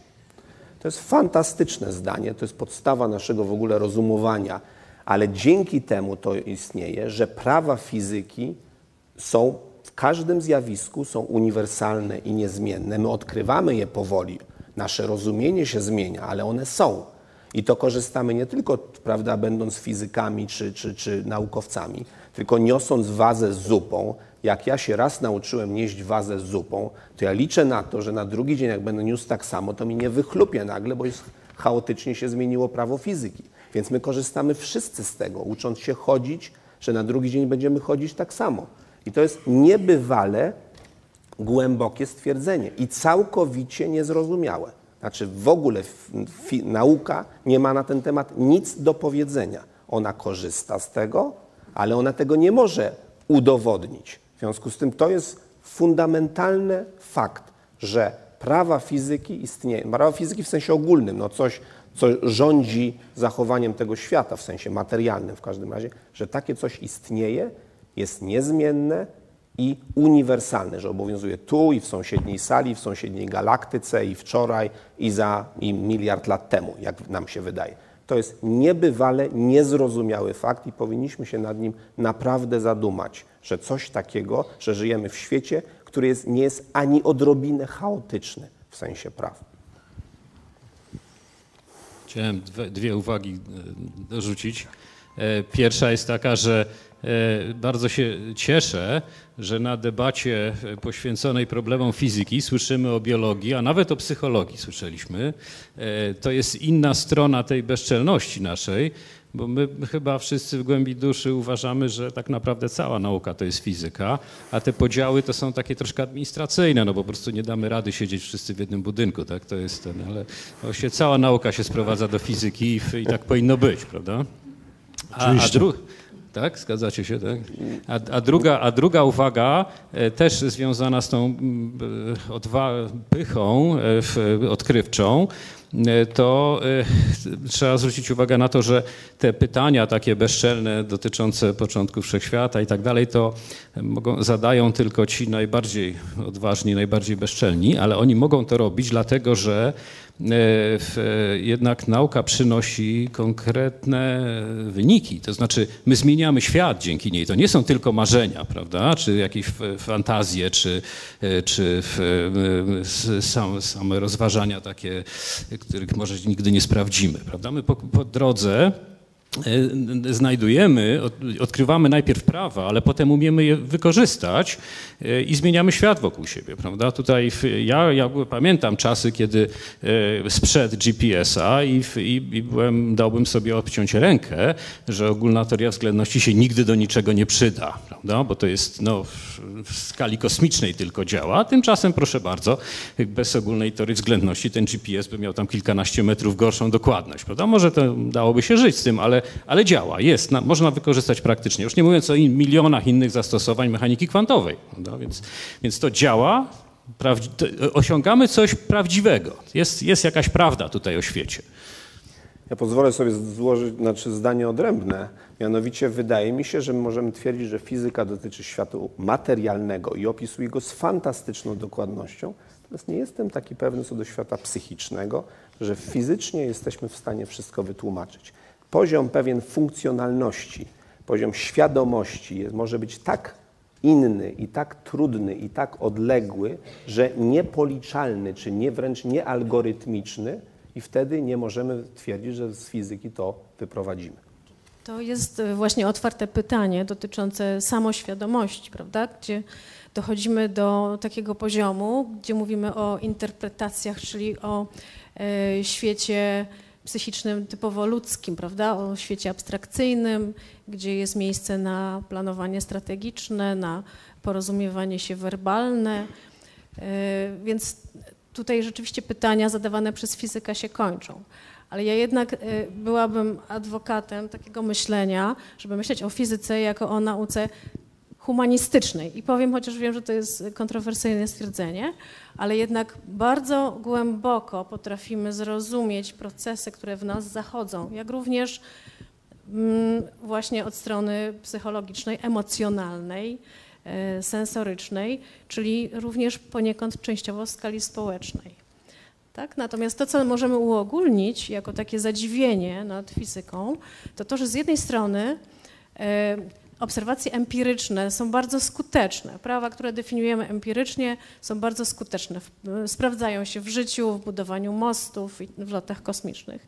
Z drugiej strony mamy opis matematyczny, który czasami ma jedyne uzasadnienie w tym, że jest piękny, prawda? Tak jak równanie Schrödingera. E, I e, jak, jak połączyć te dwa sposoby myślenia? Znaczy one są immanentnie złączone, bo widzimy to na co dzień, ale jak, to, jak zrozumieć ich istotę? Myślę, że podziękujemy w tej części, w której tylko my się wypowiadamy i zapraszam Państwa do. Yy, proszę bardzo. Tu profesor Mensfeld.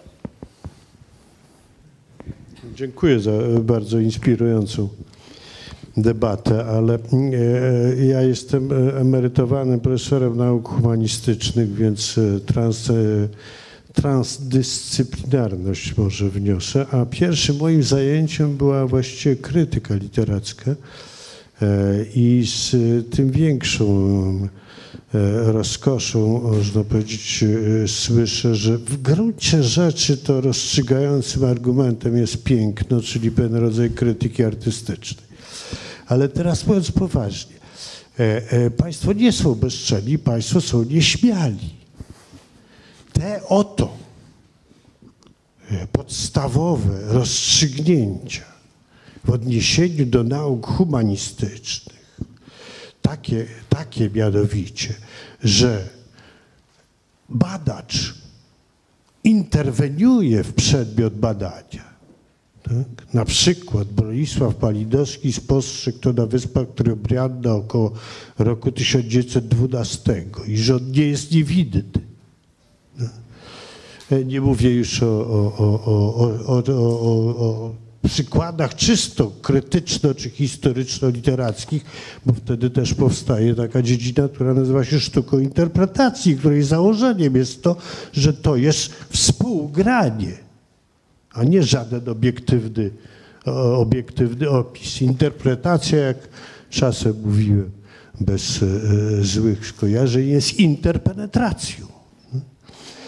E, I to jest pierwsza kwestia, która jest e, podstawą nowoczesnych nauk humanistycznych. Fizycy dość późno, jak widać, jakieś 100 lat później dopiero do tego dochodzą. Druga kwestia jest mianowicie taka, że podstawowym hasłem tamtego czasu E, e, tak zwanego przełomu antypozytywistycznego w naukach humanistycznych jest antyredukcjonizm, o którym była mowa. A nie. Utwór literacki lub artystyczny nie jest ilustracją psychologii, socjologii i historii, tylko jest samoswój w istocie swojej i ma być pojęty e, w tej istocie jako taki. E, e, no to też z przyjemnością usłyszałem o tej antyredukcjonistycznej postawie fizyków i o świadomości takiej, że w gruncie rzeczy to przechodzenie z dziedziny na dziedzinę i redukowanie czegoś jest tylko zmianą języka, naprawdę niczego, naprawdę niczego nie wyjaśnia. Dziękuję. Dziękuję bardzo. To był bardziej komentarz. Y, tam, to proszę, tam pan się zgłaszał chyba pierwszy, zaraz. Nie, najpierw tam wyżej, tak, tak, tam pierwszy się zgłaszał, potem przejdziemy do pana. Ja też jestem jako humanista rozgoryczony trochę, że no do pana Fedończuka mam największy żal, pretensje, że jestem rozgoryczony, bo wymienia Newtona, wymienia Maxwella. Natomiast to, o czym mówił, to właściwie to jest kwintesencja poglądów Kanta, Barclaya. Czy pan się nie interesuje filozofią? Ja bym bardzo prosił, żeby pan tym filozofom oddał szacunek po prostu, Oddaję. bo oni o tym mówili co pan. No ja rozumiem, ale ja z innej... Oddaję, ja oddaję. mam do państwa trzy pytania. Pierwsze pytanie. Czy znacie państwo zasadę zachowania informacji dowodem y, na istnienie Boga? Y, taka zasada zachowania informacji jest na Google i można y, ją przeczytać. Zasada zachowania informacji dowodem istnienia Boga. Drugie pytanie. Czy znacie Państwo mój wzór na szczęście, który wyprowadziłem dla studentów Akademii Medycznej, ponieważ nie bardzo mieli ochotę uczyć się biofizyki? Jeśli byście Państwo chcieli zapoznać, mam tutaj te wzory, mogę Was Państwa obdarować. I trzecie pytanie, czy istnieje możliwość odrodzenia ducha narodów poprzez przyjęcie filozofii szczęścia? Bo szczęście jest ważniejsze od zdrowia, bogactwa, urody, a nawet władzy. Ja nie znam odpowiedzi na żadne pytanie. Też.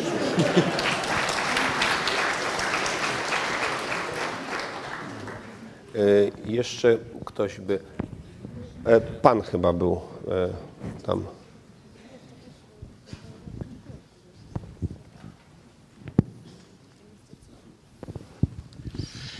Ja jestem psychologiem i słuchając tej dyskusji wpadłem na pomysł, że zgromadzę koleżanki i kolegów psychologów i zrobimy dyskusję na temat psychologicznych walorów teorii względności i mechaniki kwantowej. Nie znamy się, ale jak się okazuje, można spokojnie na ten temat dyskutować. E, chodzi tutaj o psychologię. Jestem bardzo wdzięczny za e, niektóre naświetlenia, ale chciałbym pokazać też coś takiego Gdyby zmierzyć wzrost wszystkich osób tutaj na sali, obliczyć średnią, odchylenie standardowe, potem przekształcić to w krzywą rozkładu normalnego, krzywą Gaussa i przyjrzeć by się jej uważnie, to można byłoby stwierdzić, że istnieje bardzo małe, ale niezerowe prawdopodobieństwo, że część osób na sali ma wzrost od minus 190 cm do minus 140 cm. Z rozkładu normalnego, gdy go wyprowadzimy, otrzymujemy coś takiego. I żeby krótko powiedzieć, analogia służy do tego. Każda najpiękniejsza teoria ma zakres swoich zastosowań. I ten zakres czasami trzeba wyznaczyć tak jak policyjny zakaz. Poniżej 40 milionowej sekundy od tak początku robi, świata tak. teoria się nie stosuje. Tak Dziękuję. robimy.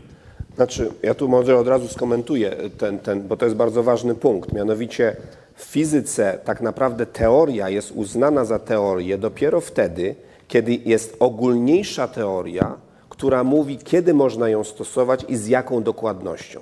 I dopiero wtedy, na przykład teoria Newtona, dopiero jak powstała ogólna teoria względności Einsteina, to my wiemy, z jaką dokładnością możemy ją stosować i budując dom nie musimy obliczać krzywizny czasoprzestrzeni, żeby cegłę położyć, a chyba, że chcemy do 10 do minus 18 metra mieć tą cegłę położoną, a jak mamy GPS, to już tego nie możemy stosować, więc dopiero wtedy mówimy o pełnej teorii, jak dokładnie wiemy, z jaką dokładnością jest ona stosowana, w jakich warunkach.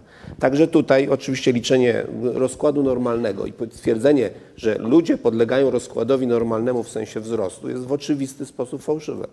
Prawda? No bo w Chinach na półtora miliarda byliby ludzie o minus 3 centymetry, prawda? Więc to jest no, w oczywisty sposób w fizyce to robimy.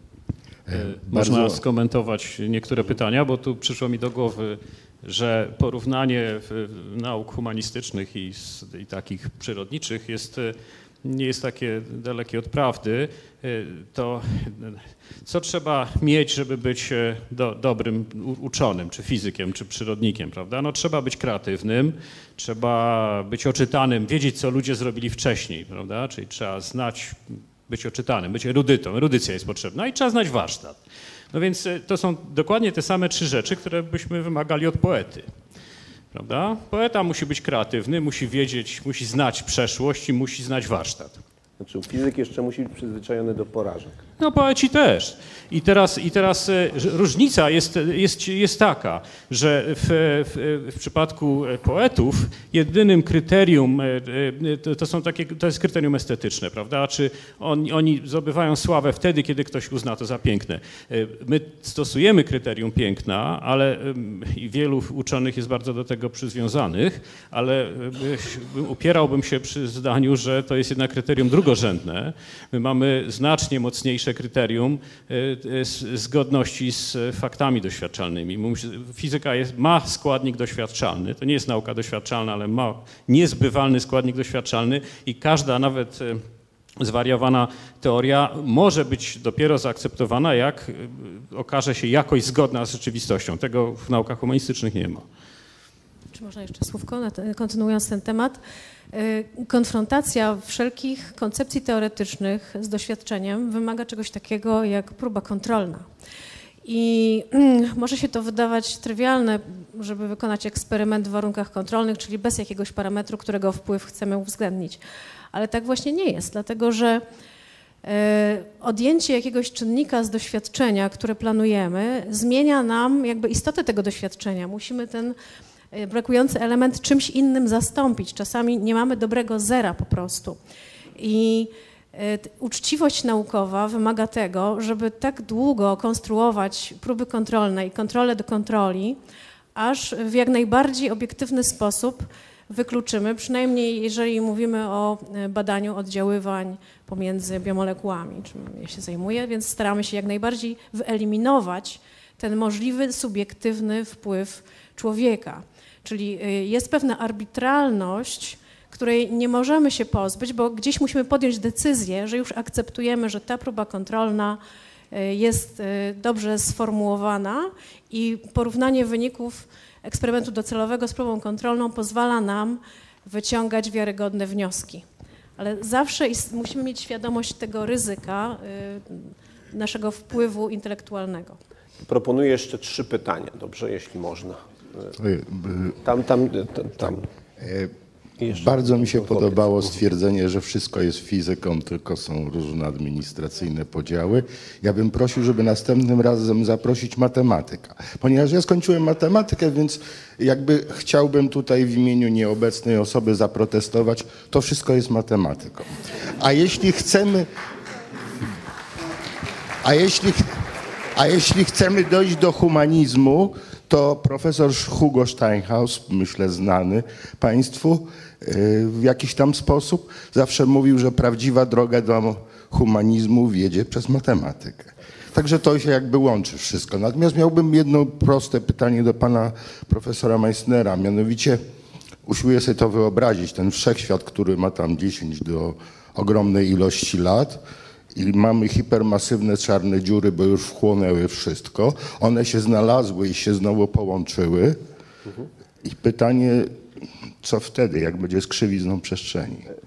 Już nie ma nic, nie ma fotonów, nic. Są tylko hipermasywne, jedna hipermasywna czarna dziura. Czy to jest taki koniec wszechświata, czy to właśnie jest początek? Nie, nie. Znaczy po pierwsze czarne dziury nie mają specjalnie szans w rozszerzającym się wszechświecie się połączyć.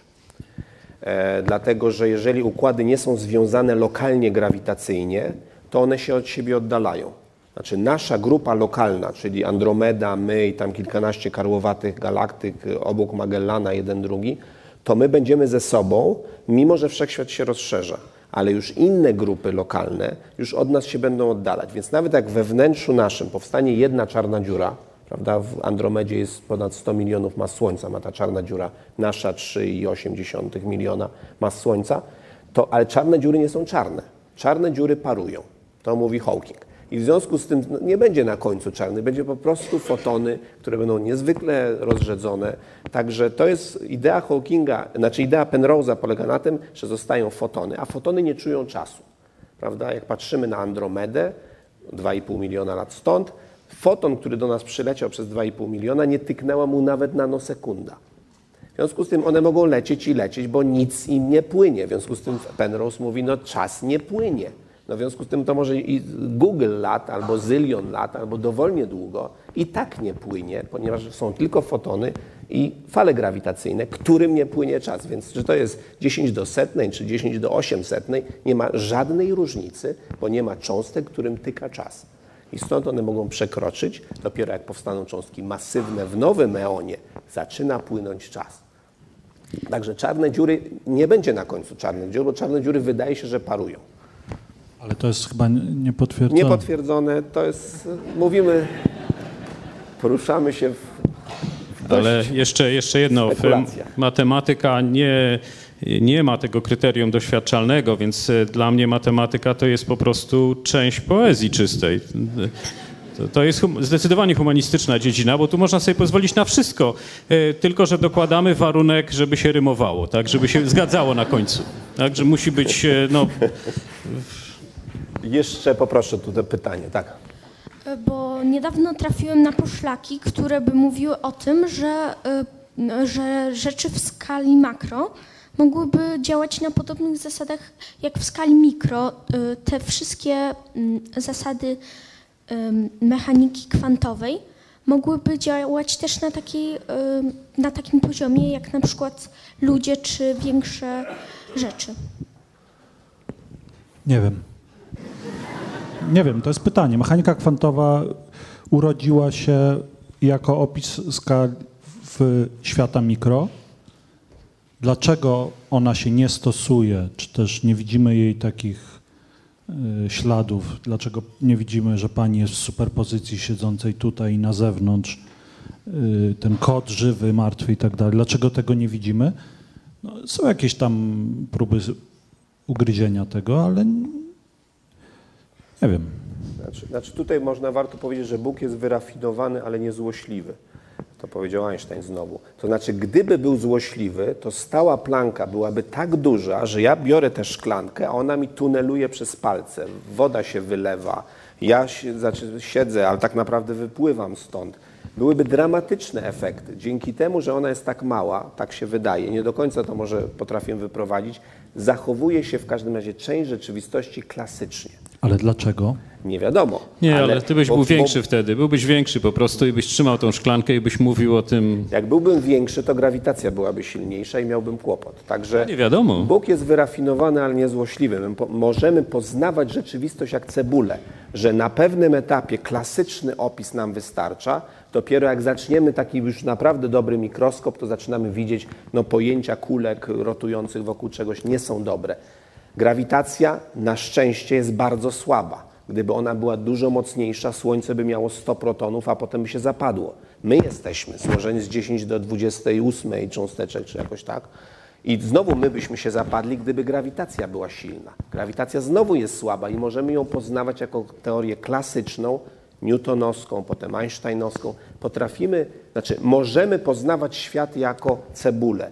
Gdyby stała Newtona była dużo większa, stała Plancka była dużo większa, musielibyśmy naraz wymyślić kwantową teorię grawitacji, żeby cokolwiek zrozumieć. Na szczęście tak nie jest, ale nie wiadomo dlaczego tak nie jest. Także to powiedzenie, że Bóg jest wyrafinowany, ale nie złośliwy, jest naprawdę bardzo dobrze oddaje to, że możemy cokolwiek zrozumieć, a dopiero potem, od, e, od, że tak powiem, to czego nie rozumiemy, jakiś drobny fakt staje się bramą do następnego rozumienia, a nie musimy zrozumieć wszystkiego naraz.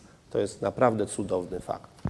Ale mechanika kwantowa nie tylko działa w mikroświecie, działa w makroświecie. Jeden przykład już był, prawda, z promieniowaniem. Jak weźmiemy piec i zrobimy w nim dziurkę, to promieniowanie wylatuje e, nie, nieskończone.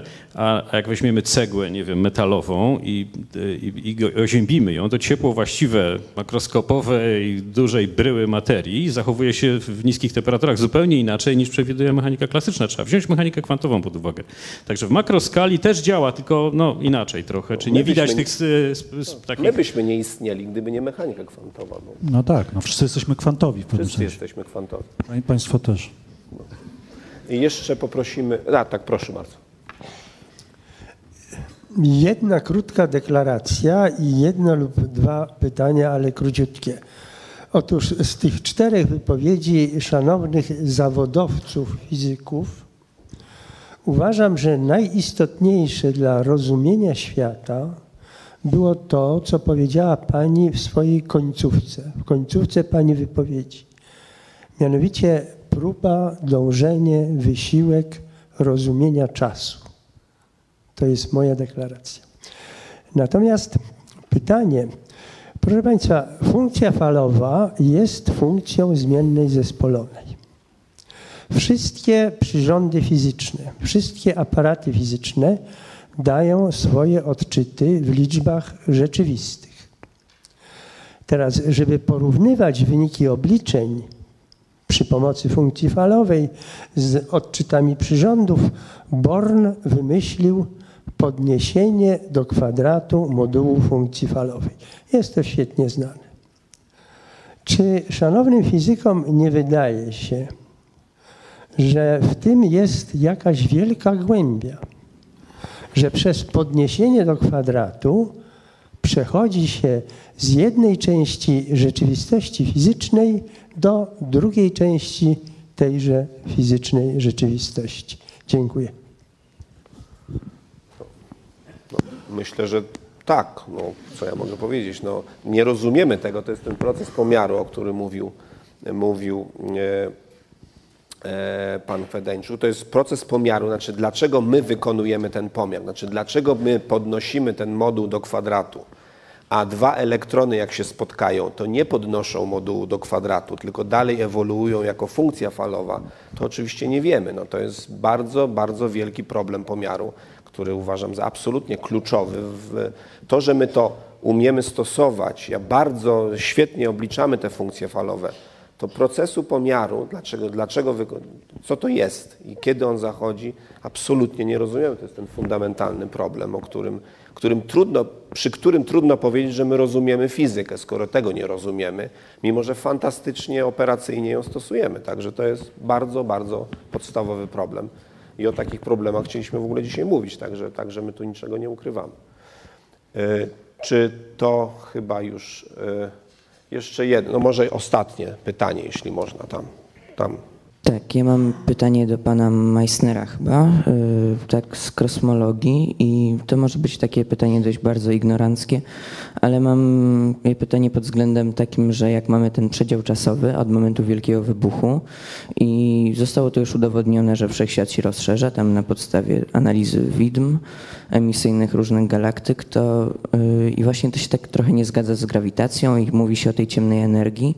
I ja mam pytanie w jakim przedziale czasowym ona powstała? Czy to jest jakaś pozostałość po wielkim wybuchu, czy może była razem z tą y, super gęstą częścią tej osobliwości, która tam była? Znaczy trzeba, są, dwie, są dwa pojęcia. Jest ciemna energia i ciemna materia. To są dwa zupełnie różne pojęcia. Otóż ciemna energia wydaje nam się, że nie jest czymś fundamentalnie różnym od tego, co wiemy. To jest jakiś inny rodzaj cząstek. Tak się spodziewamy. Więc to czy nieznany, nie, nie, nieznany w, w modelu standardowym, ale one mogą być albo bardzo ciężkie, albo bardzo lekkie, ale to jest nowy rodzaj cząstek. On nie zmienia rozumienia fizyki. Po prostu dodamy jakąś cząstkę, która niezwykle słabo oddziałuje z fotonami, ale za to oddziałuje grawitacyjnie jak wszystko i to, byłby, to byłoby to wyjaśnienie. Kiedy ona powstała, zależy od jej masy. Są różne przypuszczenia na ten temat. To nie jest coś, co fundamentalnie zmienia rozumienie fizyki. Ciemna energia jest znacznie głębsza i znacznie trudniejsza. To jest coś, co dodał Einstein prawda, w 1916 roku w swoim modelu. E, to jest coś, co, co zupełnie nie przypomina tego, co nas otacza. To jest, e, po pierwsze, ona łamie zasadę zachowania energii. To znaczy, wszechświat, w którym istnieje stała kosmologiczna, rozszerza się przy stałej gęstości co jest absolutnie niemożliwe przy zasadzie zachowania masy czy energii. Jak coś rozszerzamy, to gęstość musi spadać. Tak się nie dzieje we wszechświecie. Więc zasada zachowania energii nie jest spełniona dla wszechświata, w którym istnieje stała kosmologiczna. Po drugie, to jest substancja, nie wiem jak o tym mówić w ogóle, o ujemnym ciśnieniu. I dlatego grawitacja normalnie powoduje, że jak coś się rozszerza, to masa zawarta w środku spowalnia to rozszerzanie albo wręcz spowoduje kurczenie układu. Natomiast ujemne ciśnienie to jest coś, czego znowu w naszym świecie nie ma, ponieważ oznacza to niestabilność. Prawda? Jeżeli mamy balon i ja naciskam balon, to ciśnienie powstrzymuje mój palec. Ale gdyby ciśnienie było ujemne, to by mój palec był wciągany coraz bardziej i balon by się natychmiast zapadł. Otóż we wszechświecie to ujemne ciśnienie powoduje, że grawitacja taka zwykła powoduje, chce, za, chce spowolnić rozszerzanie, a ujemne ciśnienie rozpycha ten wszechświat.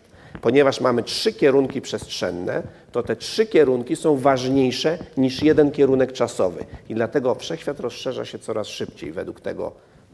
To jest coś zupełnie nowego. Ciemna energia jest głębokim, nie wiemy dlaczego ona ma być, nie wiemy dlaczego ma taką wartość. Próba policzenia teoretycznie jej wartości to jest największa porażka fizyki teoretycznej. To jest próba policzenia stałej kosmologicznej. Jak to zrobię na odwrocie koperty, to wychodzi mi 10 do 120 razy za dużo. Czyli 120 zer mam zły wynik. Jak się bardzo przy, przyłożę, to 56 zer mam za zły wynik. No naprawdę gorzej już nie można. No. I to jest wielki problem fizyki teoretycznej, żeby powiedzieć, dlaczego stała kosmologiczna istnieje i dlaczego jest tak dramatycznie mała. Także to są, znaczy stała, ciemna energia to jest rzeczywisty problem. Natomiast ciemna materia to jest prawdopodobnie jakiś nowy rodzaj cząstek. Nie spodziewamy się jakiejś zmiany paradygmatu. Ale czym jest stała kosmologiczna i dlaczego jest tak mała i dlaczego akurat teraz żyjemy we wszechświecie, którym ona zaczyna odgrywać podstawową rolę, bo jest jej 70% mniej więcej w stosunku do innych, do, do materii zwykłej. Tego nie wiemy i to jest wielkie pytanie, jedno z tych, których, do których nie doszedłem, także dziękuję za to pytanie. To jest problem stałej kosmologicznej. Nie mamy na ten temat nic do powiedzenia, w każdym razie z dokładnością do 10 do 56. Chciałbym Państwu bardzo podziękować.